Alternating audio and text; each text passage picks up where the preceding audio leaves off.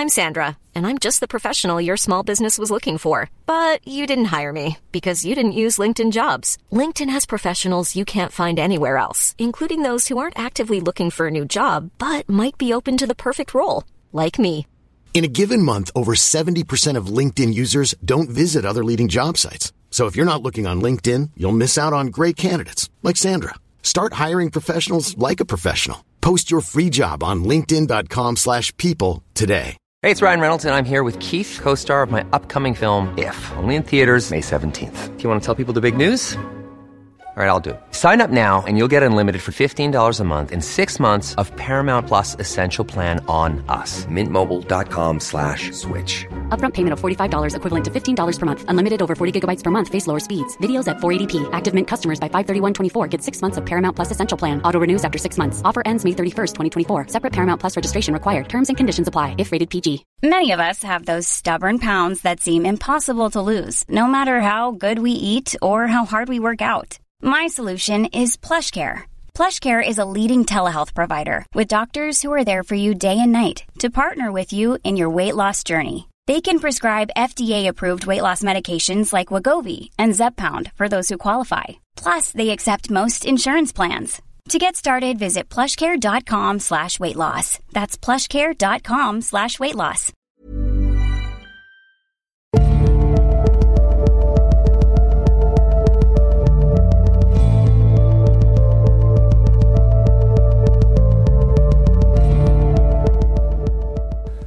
Hei og velkommen til Tåkeprat. Jeg heter Even, og når jeg tar opp denne episode 54, så er det søndag den 4. februar 2018. Aller først så vil jeg takke for donasjonen jeg fikk denne uka.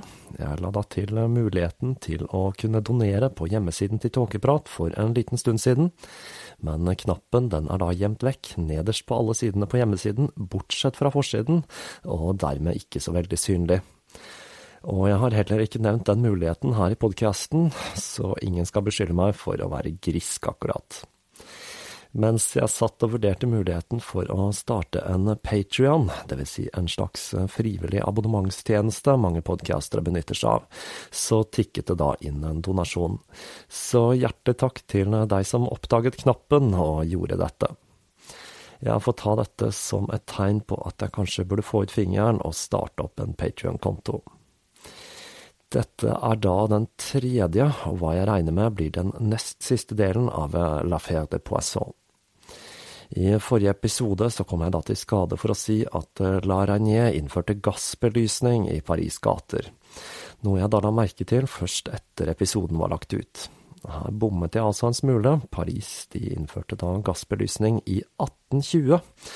Han innførte da gatebelysning, og da dreier det seg om oljelamper og ikke gass. En aldri så liten anakronisme der, altså. Men det er jo slik det er med podkasting. Litt rusk blir det jo, men det er da også litt av sjarmen til formatet, da. Til mitt forsvar så må jeg si at jeg ble sengeliggende med influensa like etter jeg tok opp episoden, og at det vel kan tenkes at jeg var litt mer suset enn vanlig på grunn av det. Og ja, jeg er da ganske sikker på at det var influensa, jeg har nemlig ikke vært i nærheten av noen franske damer. For det er dessverre litt slik jeg har begynt å se på franskmenn, eller fransk damer om du vil, etter å ha jobbet med denne episoden. Da jeg startet denne serien, så sa jeg jo at jeg har veldig lyst til å besøke dette landet, men nå er jeg ikke like sikker lenger, for akkurat nå så forbinder jeg Frankrike med helt andre ting enn Luc Besson og bra vin. Den nitriste Jean de Florette er vel mer i tråd med det inntrykket jeg sitter igjen med etter å ha jobbet med denne episoden. Som dere hører, så er jeg fremdeles litt snufsete og rusten i stemmen. Det er jo ikke helt optimalt når man skal podkaste, men vi får forsøke å gjøre det beste ut av det. I løpet av denne uka så har jeg da også fått kost meg litt med norske nettaviser, og skal vi tro norsk presse, så er vel Vixen Influencer Awards noe av det viktigste som foregår i verden i disse dager. Selv har jeg da absolutt ingen mening overhodet om denne kåringen, utover det at jeg syns det er fascinerende at det er mulig å leve av å blogge, og jeg syns at eh, samtlige av disse jentene fortjener en pris for å ha klart å gjøre dette til et levebrød. Og det er da ikke ment ironisk. Jeg syns muligheten til å kunne lage sin egen arbeidsplass på internett er en av de mest spennende aspektene ved informasjonsrevolusjonen. Ellers så har jo Trumpen holdt sin eh, State of the Union-tale, som han da senere kunne skryte på seg at var den mest sette State of the Union noensinne, noe som da selvsagt er en løgn, og ikke noe nytt fra den fronten der, altså. Men det var én ting som eh, fanget oppmerksomheten min, og som jeg kanskje er litt overrasket over at det ikke har fått mer oppmerksomhet. Nemlig at eh, USA planlegger å utvide atomvåpenarsenalet sitt. Jeg kan forstå at man ønsker å oppgradere og vedlikeholde systemene så de ikke representerer en sikkerhetsrisiko, men det å innføre såkalte taktiske våpen virker som en svært lite gjennomtenkt idé. Jeg kan på en måte forstå at man før bombingen av Hiroshima og Nagasaki trodde at atombomber kun produserte en ekstra stor eksplosjon, som da en konvensjonell bombe med ekstra mye sprengkraft. Og det er forståelig at selv om vitenskapsfolk hadde kunnskap om stråling og radioaktiv forurensning, så var dette begreper som var vanskelig å forstå for amerikanske generaler, og ikke minst folk flest. På den måten så kan vi si at det kom noe positivt ut av de to bombene. Vi fikk se at atomvåpen er mer enn bare et stort smell. Man fikk se en rekke sykdommer forårsaket av radioaktivitet man tidligere aldri hadde sett, i tillegg til massiv forurensning som forflytter seg i næringskjeden, og vi så at personer som overlevde angrepene ble utstøtt av det japanske samfunnet grunnet frykten for genetisk mutasjon. Her snakker vi altså om konsekvenser som rammer generasjoner etter de som var direkte påvirket av bombene. Så vi gjør ikke dette igjen, eller? Nei da. Som vi vet, så førte jo dette til et eh, opprustningskappløp for å se hvem som kunne pisse lengst.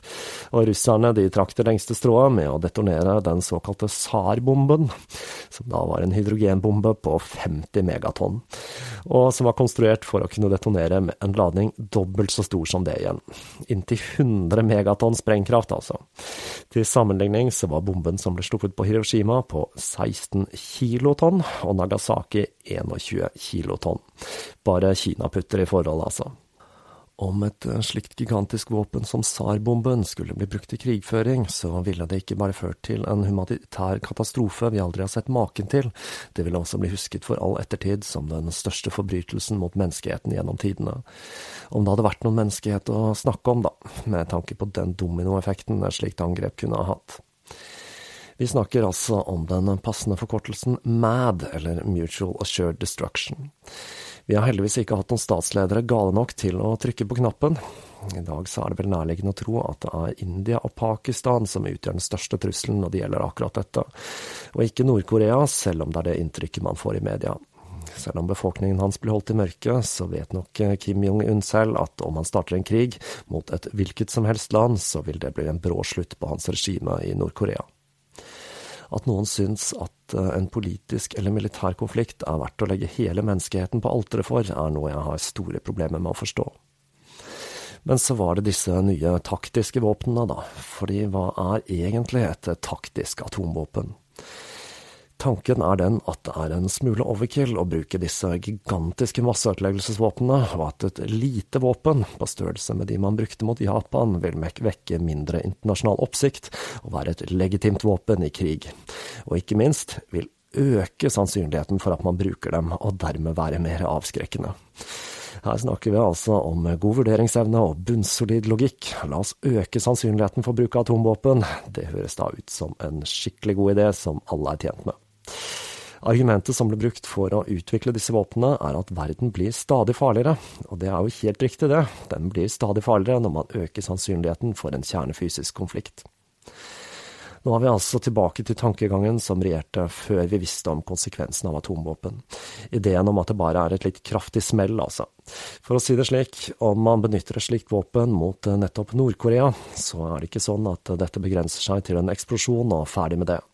Vi snakker om årevis med radioaktiv forurensning som ikke bryr seg om konstruerte landegrenser. Med andre ord, det spørs om Sør-Korea og resten av nabolandene hadde satt pris på den typen hjelp. Men nå skal vi tilbake til en tid lenge før dette var et tema. Til et Paris med sine oljelamper i gatene, og hvor La Fère Poisson var i ferd med å springe ut i full blomst.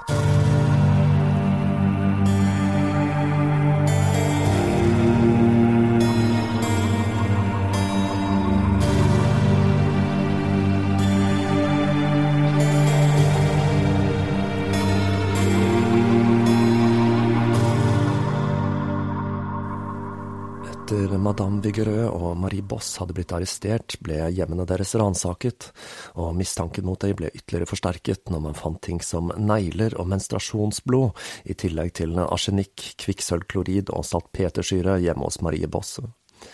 Det skulle vise seg at madame Marguerite Poulainlot hadde vært en klient av de to damene, selv om madame Vigreux hardnakket hevdet at hun kun hadde oppsøkt de to for å få lest framtiden sin, så hadde denne damen nylig blitt sendt til kloster av sin mann da han hadde blitt advart om at hun planla å myrde han. I tillegg var Marie Bosse venn av en dame som het madame Filbert, hvis forrige ektemann hadde dødd under mystiske omstendigheter, og som nå var gift med en musiker ved kongens hoff. Han spilte da fløyte, så vidt jeg har skjønt.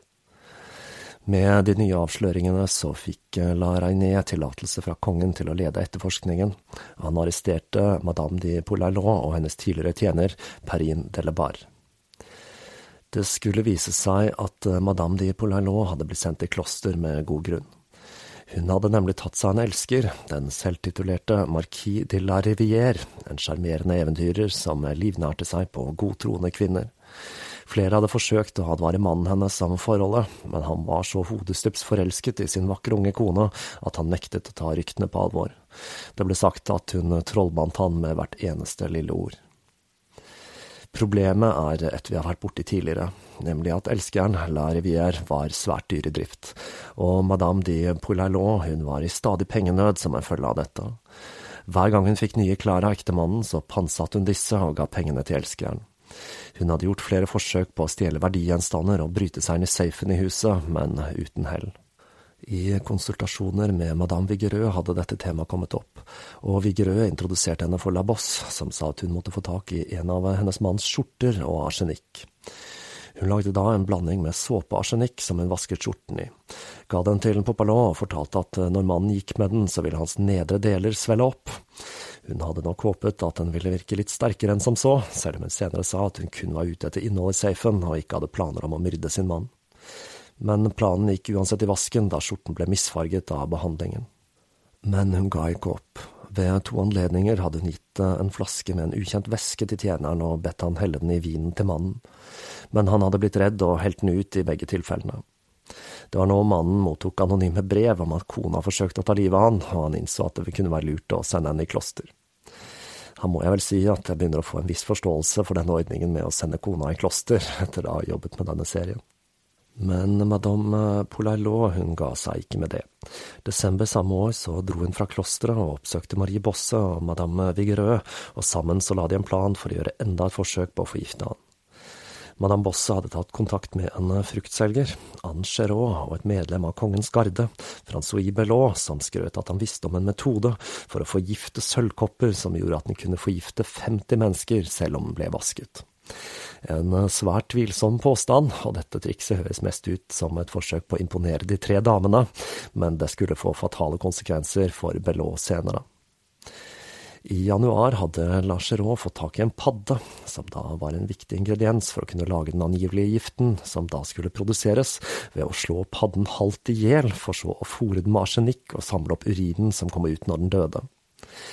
De gjorde da dette, og behandlet et sølvkrus med blandingen, men før de kunne bruke denne tvilsomme koppen, så ble Marie Bosse og madame Vigerø arrestert. Like etter så ble også Angeron og Francois Bellot fengslet, og flere fulgte etter. Madame Filbert ble arrestert da det var sterke mistanker om at hun hadde myrdet sin første ektemann, samt en kvinne ved navn Madame Ferry hvis mannen hadde dødd like etter arrestasjonen til La Bosse. Etter å ha konsultert Louis bestemte kongen seg for å opprette en egen kommisjon for å etterforske disse sakene, da det ordinære rettsvesenet, parlament, var belastet nok som det var, og han ville holde etterforskningen hemmelig slik at nyss om saken ikke skulle nå andre som kunne være involvert, da det var mistanker om at personer ved hoffet var en del av denne undergrunnen.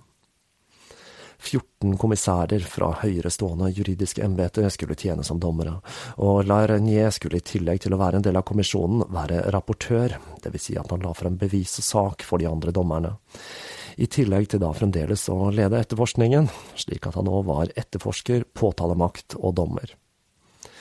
Selv om eh, enkelte forsøkte å protestere og sa at dette overstyrte det franske rettsapparatet, så hørte ikke kongen på det øret, og denne kommisjonen fikk opprettet hovedsete i Arsenal, like ved Bastillen, og den fikk det passende klengenavnet Chambre Ardente, eller Brannkammeret, med en referanse til tidligere tiders forfølgelse av kjettere og hekser. Den første La Ragnier skulle rette oppmerksomheten sin mot, var en person Marie Bosse hadde nevnt en rekke ganger. En annen heks, Catherine Montevoisin, som gikk under navnet La Voisin. Det var hun som skulle ha introdusert Boss for Lagrange, og hun skulle også ha hatt eh, Madame Ferry og Madame Filbert som sine klienter. I tillegg så var hun mistenkt for å ha utført aborter, noe som da var forbudt. La Boss kunne også fortelle at en dame fra de høyere samfunnsdag hadde tilbudt Lavoisin en stor sum for å ta livet av sin ektemann, selv om hun aldri hadde fått greie på hvem dette dreide seg om. Den 12. Eh, mars 1679 ble Lavoisin arrestert da han kom ut fra den lokale kirken. Denne damen, som nå var 42 år, hadde praktisert astrologi, håndlesning og fysiognomi siden hun var ni. Hun skulle da være ekstremt dyktig til embetet sitt. Og her hører det med til historien at det ser ut til at Lavoisin trodde på magi, og hun trodde på det hun drev med, i motsetning til en del andre som opererte innen de samme fagene. I tillegg til å bedrive trolldom, så fremsto hun utad som svært religiøs og dydig. Hun gikk jevnlig i kirken, og denne tilknytning til kristendom gjorde at klientene hennes stolte ekstra på ferdighetene hennes, og så på de som en nådegave. Det kan tenkes at hun faktisk så på sine evner som en gave fra det guddommelige, for hun skulle senere fortelle en historie der hun hadde bistått en abort, hvor hun da hadde grått av glede da fosteret ble døpt av jordmoren slik at sjelen ble reddet. Som en følge av yrket sitt, så hadde hun også blitt svært velstående, og hun hadde mange klienter fra overklassen i Paris. Hun bodde i en forstad utenfor bymurene, Ry Byegard, hvor hun tok imot sine klienter i en paviljong i hagen. Om kveldene var det da gjerne åpent hus og lystige lag i Rybugard. Dette hadde da ført til at eh, Lavoisin hadde et høyt forbruk av vin, og når hun var på druen, så ble hun gjerne litt eh, ekstra pratsom, og snakket om ting som helst ikke burde sies høyt. Noe som senere ble utnyttet under avhørene, hvor hun ble skjenket og sjeldent var edru. Mannen hennes hadde en gang vært en handelsmann som drev i silke- og juvelbransjen. Men han hadde gått konkurs, og han levde nå på inntekten til sin kone. Men han utviste ikke mye takknemlighet på grunn av det, og han behandlet henne svært dårlig, spesielt når han var full. Selv om Lavoisin hevdet at hun aldri hadde forsøkt å myrde han, så kom det etter hvert frem at hun hadde forsøkt dette ved flere anledninger, men hun hadde aldri lyktes. Kanskje skyldtes dette at hun hadde vært ekstra forsiktig da mannen var en nær venn av bøddelen, som hadde sagt at om han døde under mystiske omstendigheter, så skulle han sørge for at liket ble obdusert. Han mistenkte at eh, det kanskje var noe muffens i gjære, for Lavoisins misnøye med ektemannen var nemlig svært godt kjent. Så råttent var ekteskapet at vennene hennes pleide å hilse henne med er mannen din død enda? Men selv om ekteskapet ikke akkurat gikk på skinner, så trøstet Lavoisin seg med et kobbel med elskere. Disse inkluderte da en rekke personer fra hennes yrkesgruppe, vil si alkymister og magikere, og i tillegg så hadde hun en kort affære med en aristokrat, samt en krovert, monsieur Herrault, som eh, da hadde sverget å gifte seg med henne om mannen skulle falle ifra. Her er det vel nærliggende å tro at eh, Lavoisin hadde en og annen kjærlighetsformular på lur, i tillegg til sin kjennskap til astrologi og håndlesning. Hun så nemlig svært moderlig ut, om vi skal tro den eneste illustrasjonen av henne som eksisterer. Og dette er den tegningen jeg har valgt å illustrere denne episoden med, om dere er nysgjerrige på hvordan denne damen så ut, altså. Hun hadde også i en periode vært i et partnerskap med Marie Boss og sendt henne klienter. Men dette samarbeidet det skar seg når Lavoisin mistenkte at Boss holdt tilbake penger hun hadde fått fra enken etter monsieur Brunet, noe som etter hvert skulle vise seg å stemme.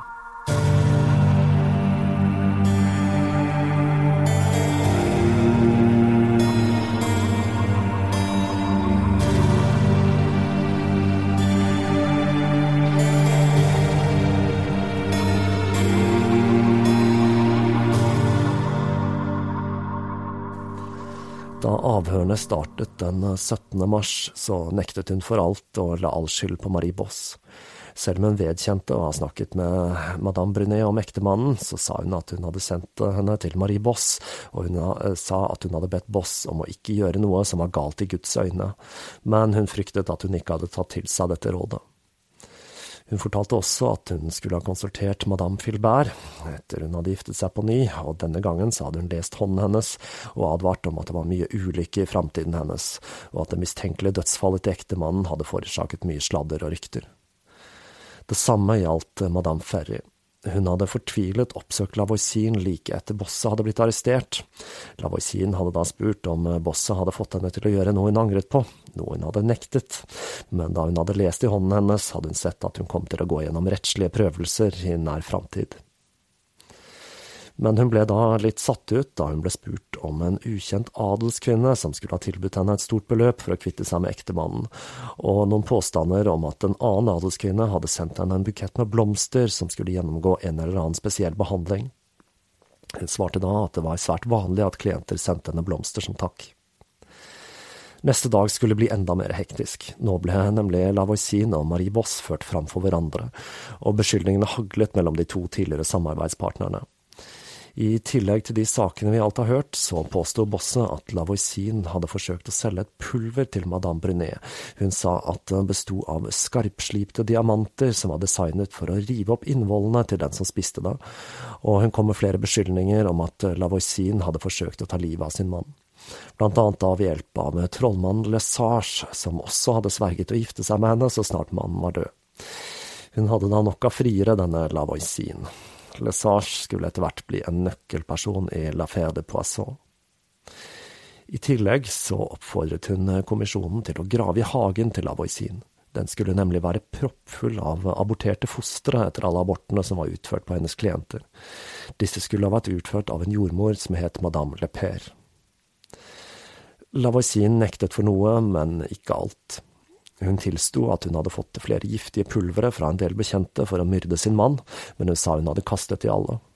Hun tilsto også at hun og Lesage hadde forsøkt å myrde mannen hennes med trolldom, men hun sa at hun hadde angret seg, og de hadde avbrutt forbannelsen når mannen ble syk.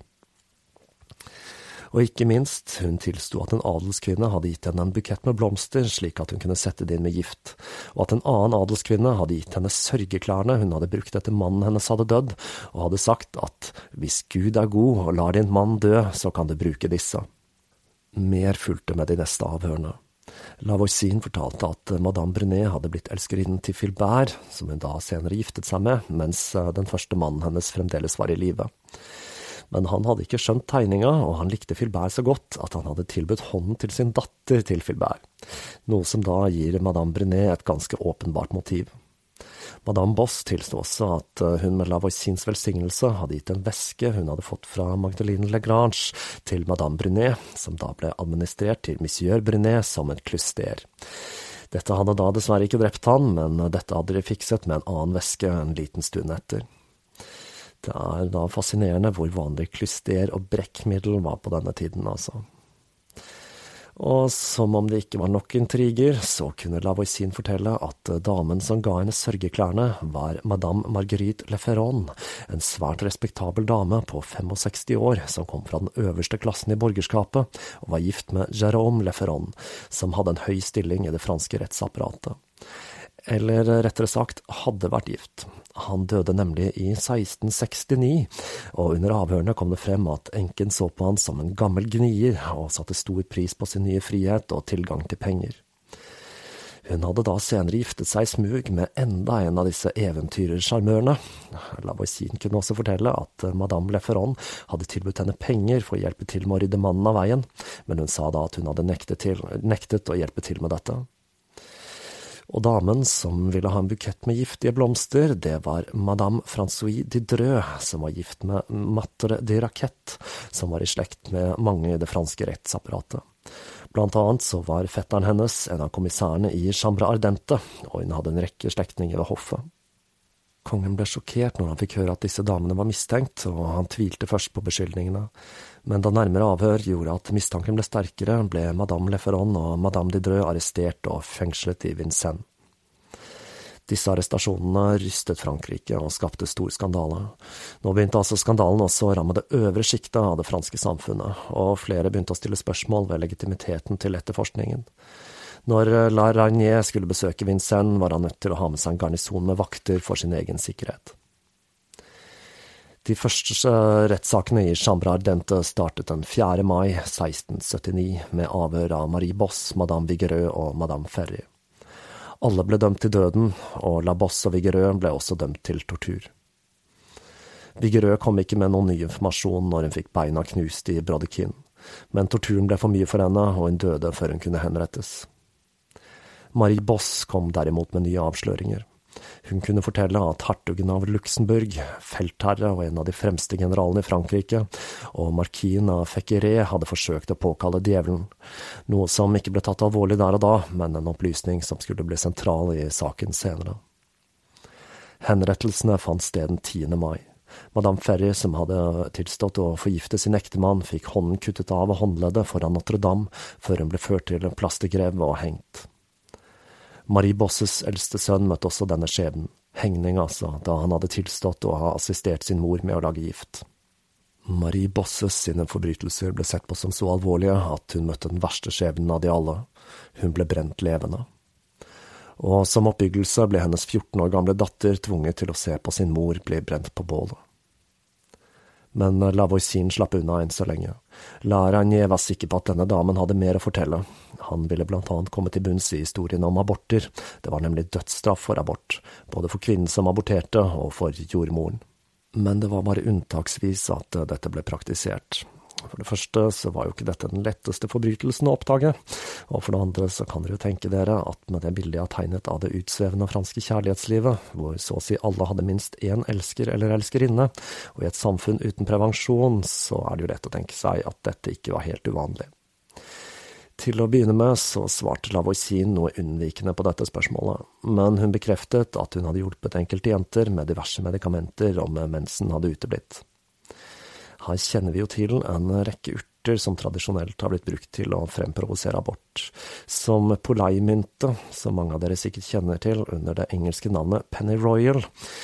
Denne urten ble jo da udødeliggjort i Nirvanas Penny Royal Tea fra In Utero fra 1994. En eh, flott liten mørk låt der, altså. Men eh, La Reinier fikk et mer tilfredsstillende svar da han avhørte jordmoren Marie Boss hadde sagt hadde utført aborter for eh, Lavoisin den nå 78 år gamle madame Lepere.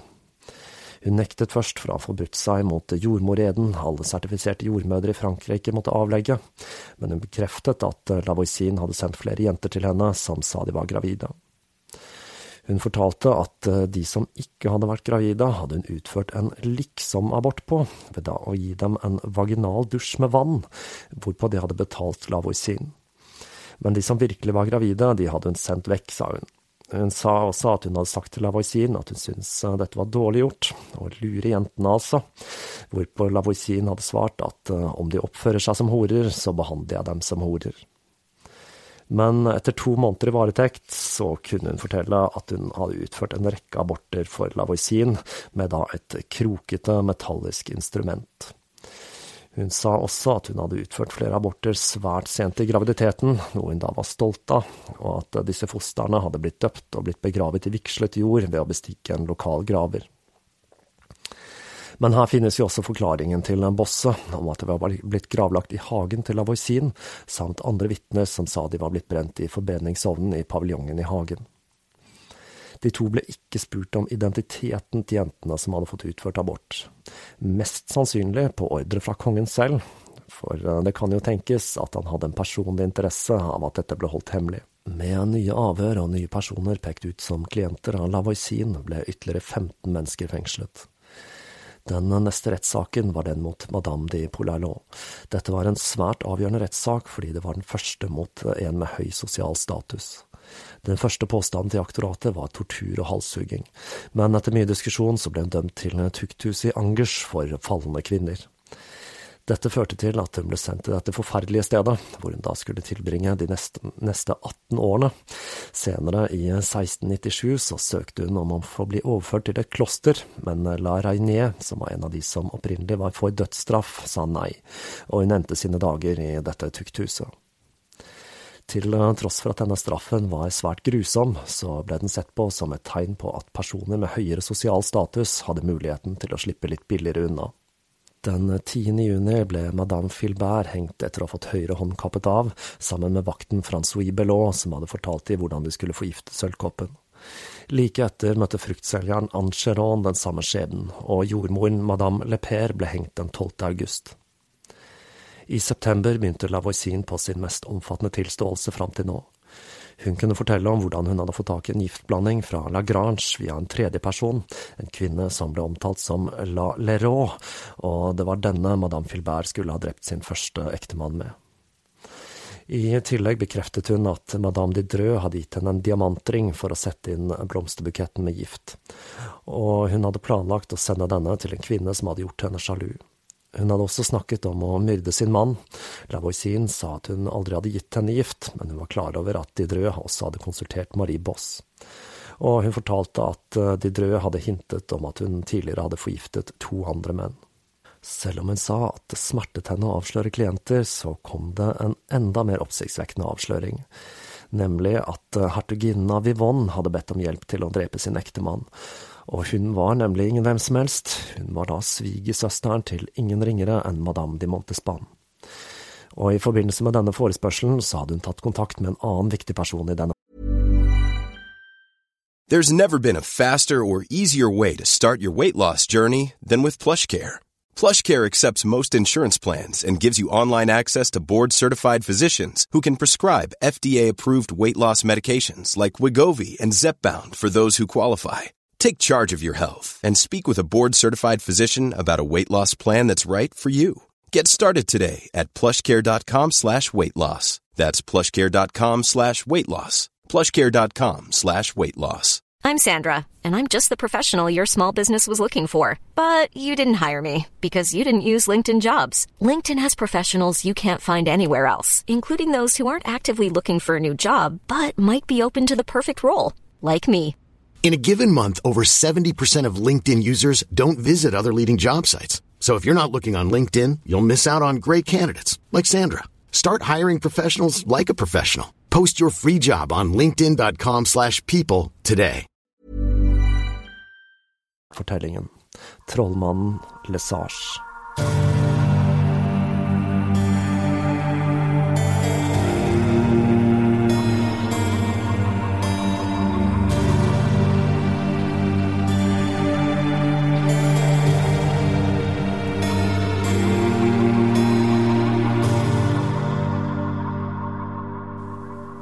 Lesage hadde blitt arrestert like etter Marie Bosse, men han ble sett på som en mindre viktig figur i sammensvergelsen før Lavoisin kom med sin siste tilståelse.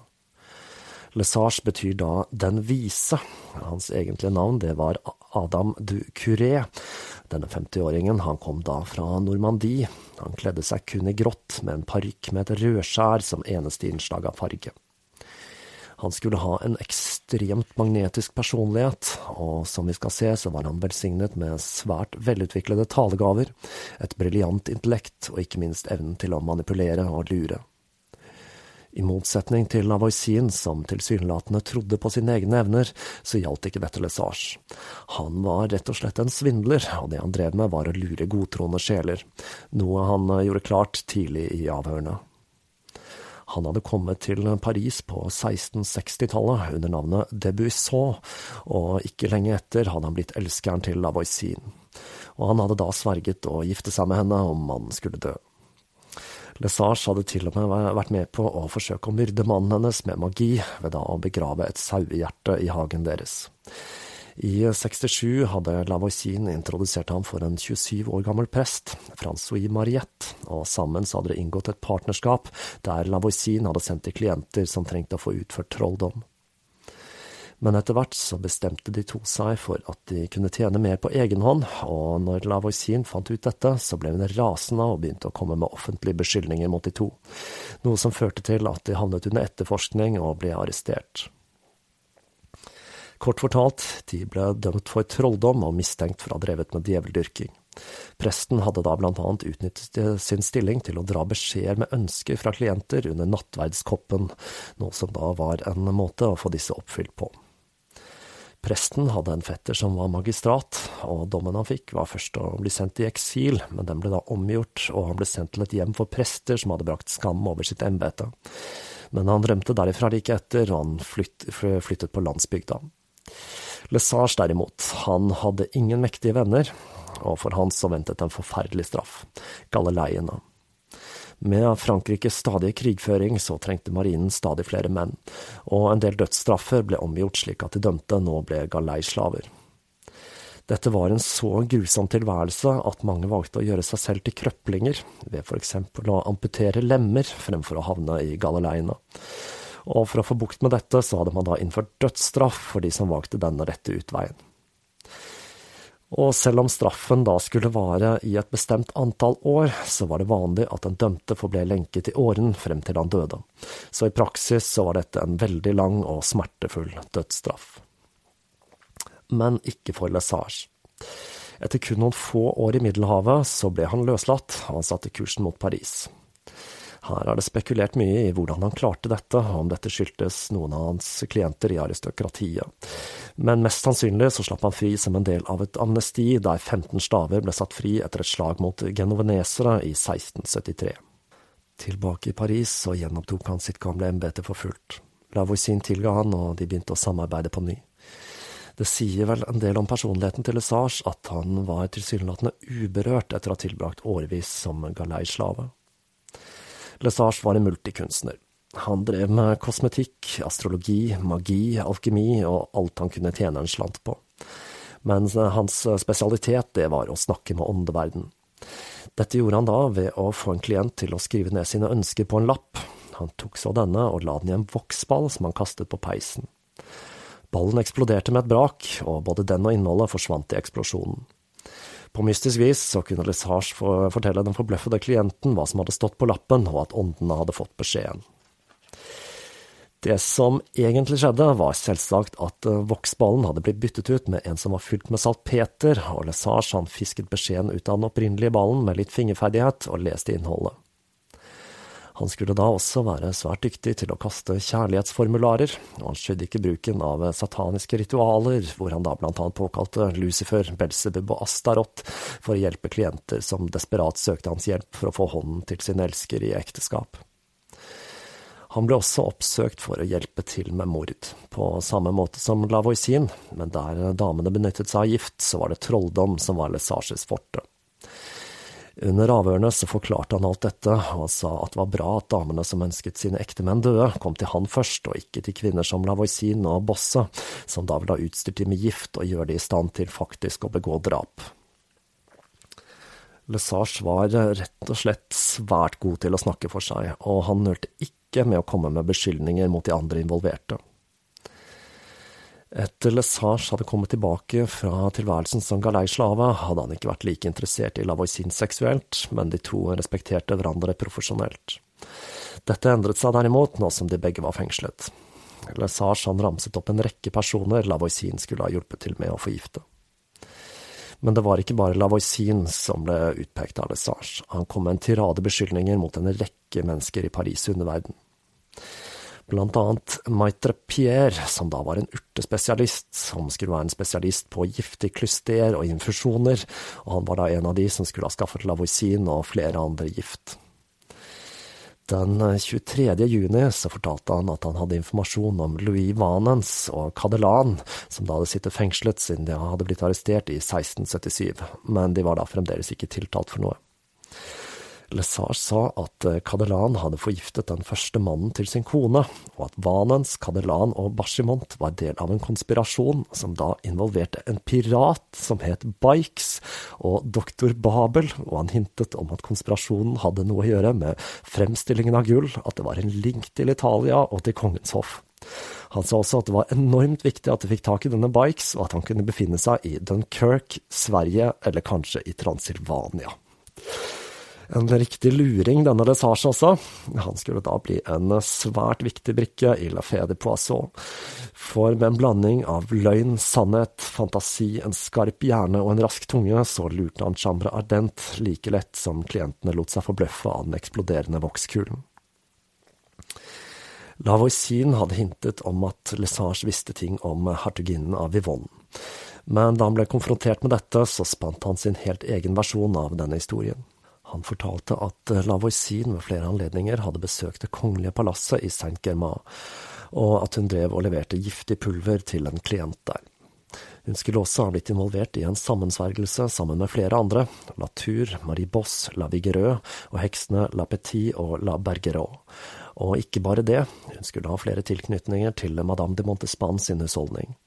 Hun hadde fått en pike ved navn Cato, eh, ansatt i staben hennes, og kanskje verst av alt, mademoiselle de Oilette, som også var ansatt av Montespan, benyttet seg jevnlig av tjenestene til La Voisin. Det Lesage neppe visste når han fortalte dette, var at denne mademoiselle de Oilette hadde vært en av Ludvigs sexpartnere.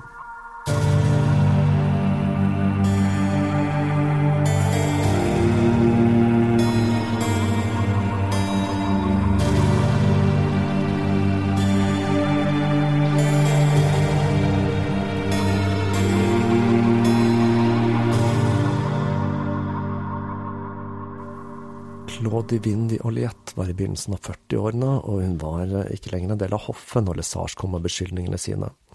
Hun var da visstnok ikke spesielt pen, men hun var lett tilgjengelig når Ludvigs elskerinne var syk eller på annen måte indisponert, og Ludvig skulle ha fått flere barn med denne kvinnen. Vi vet da med sikkerhet at de fikk minst en datter sammen. Athenais ser ut til enten ikke å ha visst om dette, eller så visste hun om det og ikke brydde seg da hun så på forholdet som ubetydelig, for hun likte Oliette svært godt. Kongen tok seg av Oliette og datteren økonomisk etter de flyttet, som takk for den trofaste tjenesten. Hun levde da en behagelig pensjonisttilværelse, om du kan kalle det det, men enkelte kilder skal ha det til at hun var bitter og håpte på en dag å bli anerkjent som Ludvigs elskerinne. Lavoisin hun tilsto at hun kjente denne Cato, og at jenta hadde bedt henne om hjelp, men hun sa at hun kun hadde bedt for henne, da dette var alt hun kunne gjøre for å sikre henne en plass i husholdningen til madame de Montespan. Men uh, Lesage han fornektet seg ikke, og han begynte nå å hinte om at Athenais selv var involvert med Lavoisin. Louis skrev til kongen. Han turte ikke å skrive om beskyldningene mot Montespan, og han var svært skeptisk til beskyldningene mot uh, mademoiselle Dioliette men han var svært bekymret over at Lavoisin så ut til å ha tilknytninger til hoffet. Lesage han skapte rett og slett en del furore, og verre skulle det bli, for nå dukket det par navn vi har vært borti tidligere opp igjen. Markien av Fekkeri, som da hadde blitt nevnt som en klient av La Vigereux, og som Marie Boss under tortur sa hadde forsøkt å påkalle djevelen, sammen med hans fetter, hertugen av Luxembourg. Denne hertugen av Luxembourg, som da var marsial, eller feltherre i den franske hæren, var en selsom karakter. For det første så var han stygg. Han var så stygg at han ble beskrevet som frastøtende, og han var deformert og pukkelrygget. Det ble sagt at dersom han mistet en arm eller et bein, så ville ingen merke forskjell. Og personligheten hans den sto ikke tilbake for utseendet, han var nemlig kjent for sine ondskapsfulle kommentarer, og han hadde en svært stor seksuell appetitt. Han hadde da faktisk en del hell med damene ved hoffet, noe som vel må kunne tenkes å ha hatt en sammenheng med tittelen hans. I tillegg så var han da en storforbruker av tjenestene til de prostituerte i Paris, og det ble også sagt at han var glad i menn. Han hadde falt i unåde hos Ludvig under den første delen av styret hans, da hertugen hadde kjempet sammen med rebeller, og på et tidspunkt så sloss han sammen med spanjolene mot Frankrike. Men han ble etter hvert gitt amnesti, og når den nederlandske krigen begynte, så ble han igjen satt inn i tjeneste, da han var en svært dyktig strateg. Og ikke minst, han var svært populær blant soldatene, da han lot de plyndre og voldta alt de ønsket. Han fortalte lattermildt om hvordan soldatene hans hadde brent ned hus med kvinner og barn innestengt. En herlig fyr, det der, altså. Men hertugen sørget for at eh, Frankrike fikk en skrap i omdømmet sitt. Ikke alle syntes det var like artig at sivilbefolkningen ble voldtatt, plyndret og brent levende. Og med hjelp av sin gode venn Louis så hadde han blitt utnevnt til feltherre i 1675. Men det var nå igjen sådd tvil om hans lederskap da han hadde feilet i å befri den beleirede byen Philipsburg i 1676. Markien av Fekkier var en trofast følgesvenn av hertugen, og hadde tatt del i flere av kampanjene hans. Han blir beskrevet som så arrogant at selv det franske aristokratiet syns det ble litt i overkant, noe som sier sitt, han var altså svært upopulær. Disse to kara var da altså ikke kjent for sine lekre personligheter eller vinnende vesen. Lesage kunne fortelle at de hadde oppsøkt han, og med sitt vanlig eksploderende balltriks så hadde de sendt ønskene sine til åndeverdenen. Lesage hadde da selvsagt lest hva de hadde skrevet, og selv om de senere bekreftet at de hadde oppsøkt Lesage, så sa de at det hele hadde vært spøk og moro. Men Lesage kunne fortelle en annen historie. Fekkeré hadde ønsket at onkelen til en kvinne han ønsket å gifte seg med, skulle dø, og Luxembourg skrev at han ønsket igjen å falle i nåde hos kongen etter nederlaget i Philipsburg, at hans fremste rival i hæren, feltharen av Kriky, skulle dø, at sønnen hans skulle gifte seg med Louise' datter, og at kona hans skulle dø. Han hadde nemlig giftet seg med henne på grunn av landområdene hennes, og det eneste de hadde til felles, det var utseendet. Hun ble beskrevet som eh, at hun så ut som en fiskehandlers kone, noe som da gir meg assosiasjoner til Asterix, altså. Lesage kunne også fortelle at de to herrene hadde oppsøkt flere i Frankrikes undergrunn for å få ønskene sine oppfylt, deriblant La Bosse og La Vigereux. La Renier ba Louis ta en mer direkte rolle i avhørene, nå som datteren hans var blitt nevnt, og han dro til Vincennes, hvorfra han skrev et brev til kongen og fortalte om de nye avsløringene. Og nå begynte også Lavoisin å fortelle om adelspersoner som hadde oppsøkt henne. Blant annet så fortalte hun at hertuginnen av Ror hadde ønsket å rydde mannen sin av veien, og ønsket å bli kongens elskerinne. Hun hadde flere ganger snakket om å forgifte Louise de Valerie, kongens første elskerinne altså, for å ta hennes plass. Og enda mer sjokkerende var det når navnet til grevinnen av kom frem i avhørene. Lavoisin ga en detaljert forklaring, der hun fortalte at grevinnen hadde kommet i forkledning med et lite følge adelige for å benytte seg av hennes tjenester. Da hun hadde fått hånden lest, hadde Lavoisin sett en linje som symboliserte solen, og hun fortalte at hun en gang hadde blitt elsket av en prins. Grevinnen tok dette som en klar indikasjon på at dette dreide seg om kongen selv, og hun spurte skarpt om det ville la seg gjøre å tenne denne kjærligheten på ny. Lavoisin sa at det kan hende, men at det ville bli svært vanskelig.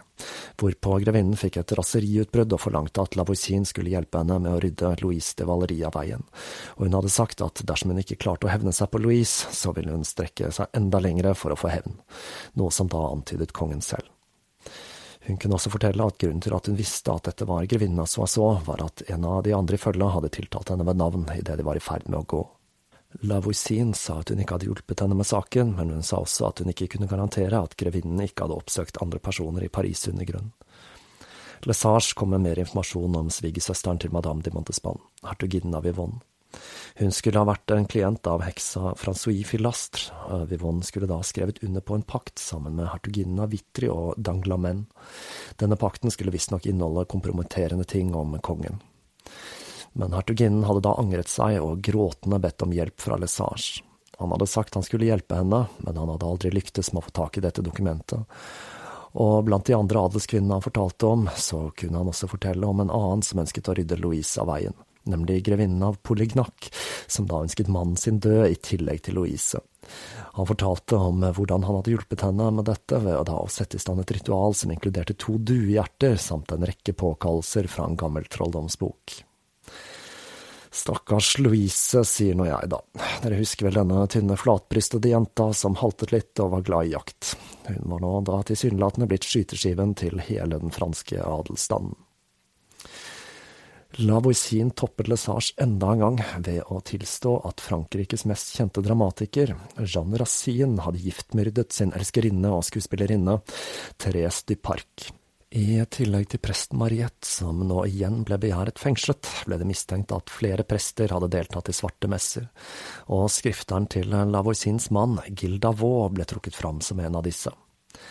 Lesage kunne fortelle at denne presten hadde utført en messe med en naken kvinne som alter, og at mens han hadde utført messen, hadde han kysset kjønnet hennes.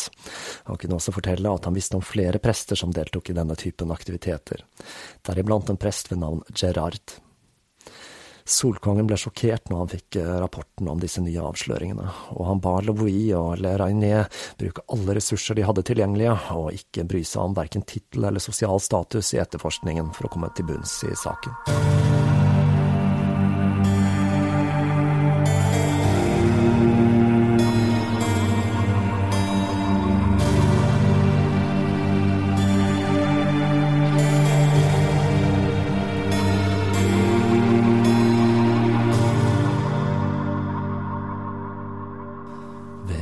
Ved hoff var ikke giftdrap en helt fremmed tanke. Mange trodde at kongens svigersøster, Henriette Anne, hertuginne av Orléans, hadde blitt forgiftet. Ludvig hadde fått denne engelske damen gift med sin homofile bror Monsieur for å styrke de diplomatiske båndene mellom Frankrike og England.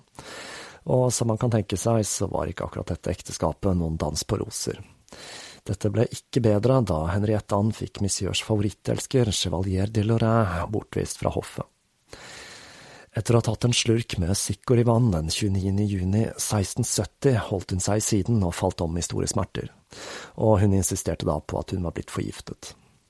Til tross for legenes iherdige forsøk på å holde henne i live med brekkmidler og ymse medikamenter, som da pulverisert slange, så døde Henriette Ann neste morgen. Siden flere mistenkte at hun var blitt forgiftet, så ble hun obdusert. Når de begynte å skjære i liket, så spredde det seg en grusom stank, og det skulle vise seg at eh, lever og tarmer var begynt å forråtne, og at den nedre delen av magen var full av en illeluktende galle. Men de fant da ingen spor etter forgiftning.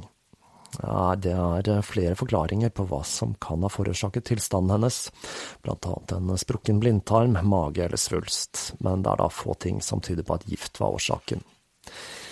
Dette forhindret selvsagt ikke sladderet ved hoffet og blant annet dronningen var en av de som mistenkte at det dreide seg om giftdrap.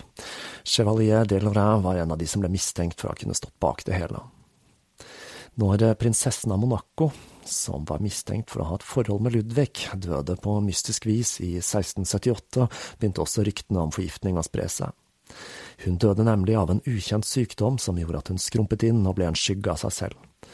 Den som ble mistenkt for å stå bak det hele, var da mannen hennes, for han var nemlig italiener, og det var jo grunn nok til mistanke i seg selv. Men til tross for disse og flere lignende skandaler, så var hoffet i 1680 lykkelig vitende om at flere blant adelen var blitt knyttet til den pågående giftskandalen i Paris. Det var kongens forhold til mademoiselle de Fontange som fanget hoffets interesse i denne perioden. I januar ble det kjent at hun hadde hatt en spontanabort, men at dette skulle føre til en livsfarlig sykdom, var det ingen som visste enda. Både La Voisin og Lesage fortsatte med sine tilståelser. Lesage han dro da strikken litt for langt til tider, og tegnet bilder av enorme konspirasjoner som ble avfeid da de rett og slett var litt for fantastiske. Kongen ga Louis beskjed om at dersom flere adelige ble involvert, så ville han ha beskjed med en gang. Han avfeide også påstandene om at uh, mademoiselle Dioliette skulle være innblandet i skandalen, og sa at uh, dersom det ikke kom ytterligere bevis mot henne, så skulle de la henne være i fred. Det fikk hun da faktisk være, men en rekke med arrestordre gikk ut den 23. januar 1680. De var da på grevinna Soissons, grevinnen Polignac, markina Cessac og hertugen av Luxembourg, i tillegg til at hertuginna grevinnen av Rour, prinsessen av Tingri, markise de Lier og markien av Fiquer ble innkalt til avhør. Nå begynte Paris å koke som en følge av skandalen. En komedie, La Devineresse, som egentlig var ferdig for sesongen, måtte sette opp ekstra forestillinger fordi tematikken var så passende, og det gikk rykter om at La Renier hadde samarbeidet med forfatterne slik at detaljer fra den pågående saken var med i stykket. Dette var da selvsagt ikke tilfellet. Den største skandalen var arrestordren på grevinna Soisson. Hun og kongen hadde nemlig vokst opp sammen, og de var, eller hadde i det minste vært, svært nære venner. Denne damen var da kjent for sin spisse og lange nese, og hadde tilnavnet Snipen. Dronningen var sjalu på det nære forholdet mellom kongen og grevinnen, som etter hvert da ble surintendante i dronningens husholdning. Det var jo en stilling Atenais senere ville få, og den viktigste stillingen en kvinne ved hoffet kunne ha. Og det gikk da selvsagt rykter om at grevinnen og kongen hadde et forhold. Men hun skulle selv bli sjalu når kongen tok Louise som sin elskerinne. Hun sto da bak et anonymt brev til dronningen, der det ble fortalt om denne nye affæren. Da Ludvig senere oppdaget at det var hun som sto bak brevet, så ble han rasende og bortviste henne fra hoffet i en periode. Da hun ble tilgitt og kom tilbake til Versailles, så fortsatte hun å lage skandale, blant annet ved å få sine mannlige tjenere til å forføre tjenerinnene til Louise for å få informasjon, og hun kom senere med spydigheter om Madame de Montespan. Hun hadde også vært involvert i en giftskandale, for mannen hennes hadde dødd på en utenlandsreise, og før han døde, så erklærte han at han var blitt forgiftet, og obduksjonen viste tegn på at dette faktisk var tilfellet. Dette kastet av mistanke på grevinnen.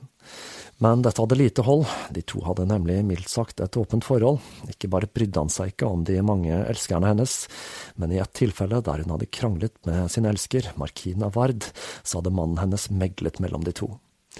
I tillegg så fikk hun ingen økonomiske fordeler ved hans død, og statusen hennes ved hoffet ble også svekket som en følge av dette, så det var ikke mange motiver der, altså. Når Ludvig fikk beskjed om at gevinnen var begjæret fengslet, så sendte han svigerbroren sin, hertugen av Boulot, for å advare sin barndomsvenn. Grevinnen av Soissons pakket koffertene sine fulle med juveler og penger, tok med seg sin beste venninne, markise Delier, som da også det var en arrestordre på, og rømte landet før de kunne arrestere henne. Ludvig gjorde et halvhjertet liksom-forsøk på å fange henne på grensen, men det var da ganske åpenbart at han ikke ønsket å få tak i henne. Det ironiske med denne flukten er at eh, om hun ikke hadde rømt, så hadde hun mest sannsynlig blitt frikjent.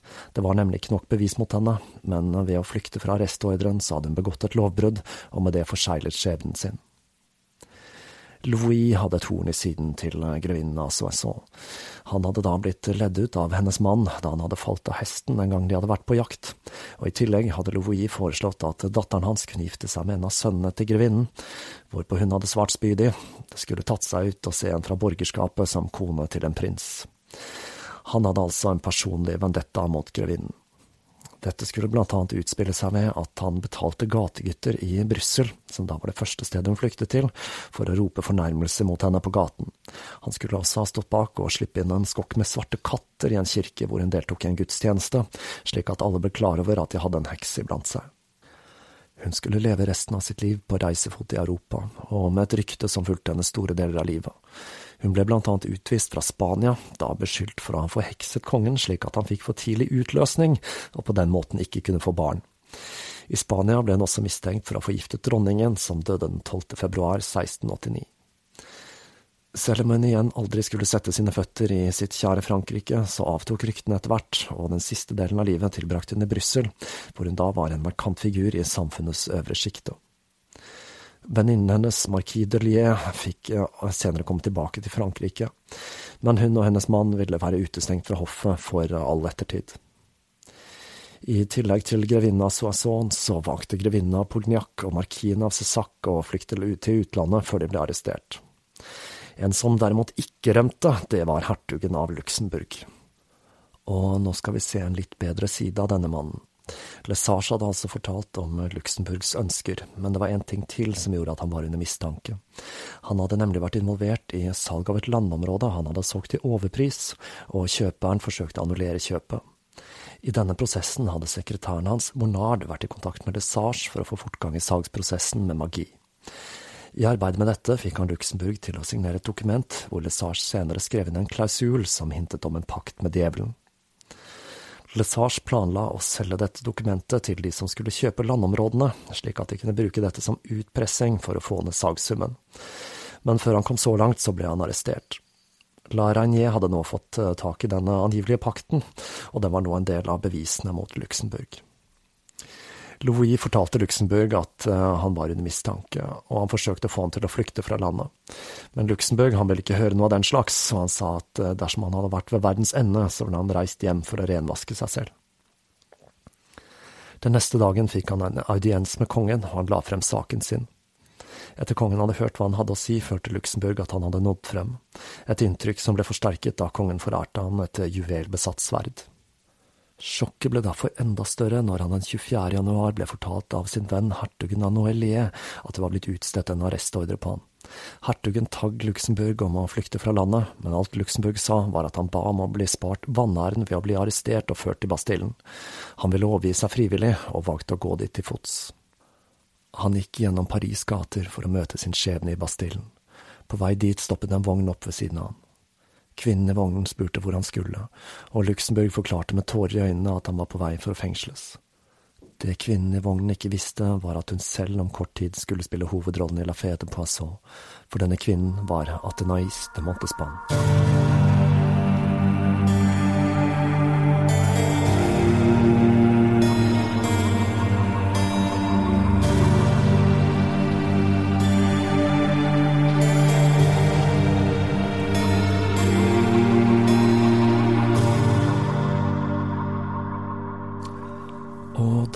Forlater Ludvigs Frankrike for denne gang. I denne serien så har jeg med viten og vilje kortet ned og forenklet noen av adelstitlene. Jeg har da for eksempel valgt å kalle visegrever kun for grever, visehertug for hertug, osv. Noe det ble veldig mye av i denne episoden, så da tenkte jeg det var på sin plass å gjøre dere oppmerksom på dette.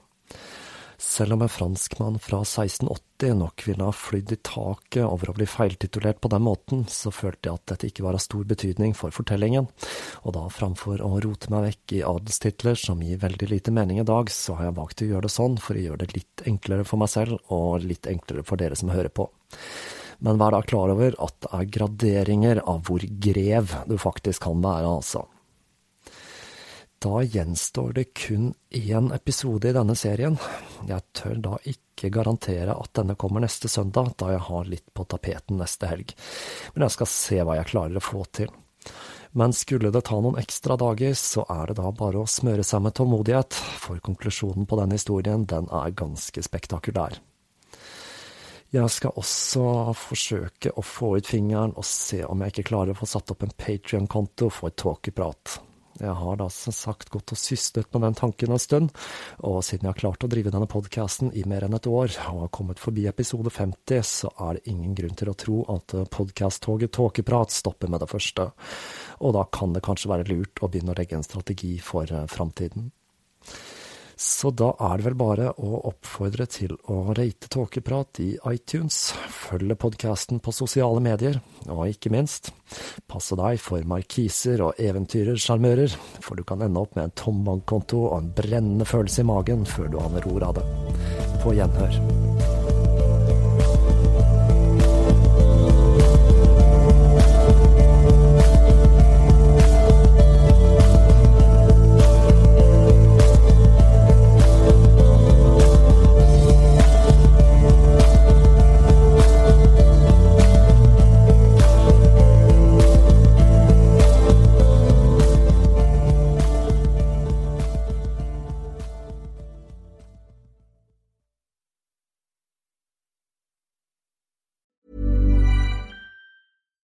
Why don't more infant formula companies use organic, grass fed whole milk instead of skim?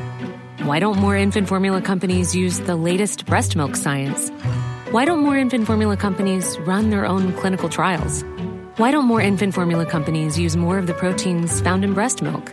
Why don't more infant formula companies have their own factories instead of outsourcing their manufacturing? We wondered the same thing. So we made ByHeart, a better formula for formula. Learn more at byheart.com. Even when we're on a budget, we still deserve nice things. Quince is a place to scoop up stunning high-end goods for 50 to 80% less than similar brands. They have buttery soft cashmere sweaters starting at $50, luxurious Italian leather bags, and so much more. Plus, Quince only works with factories that use safe, ethical, and responsible manufacturing. Get the high-end goods you'll love without the high price tag with Quince. Go to quince.com/style for free shipping and 365-day returns.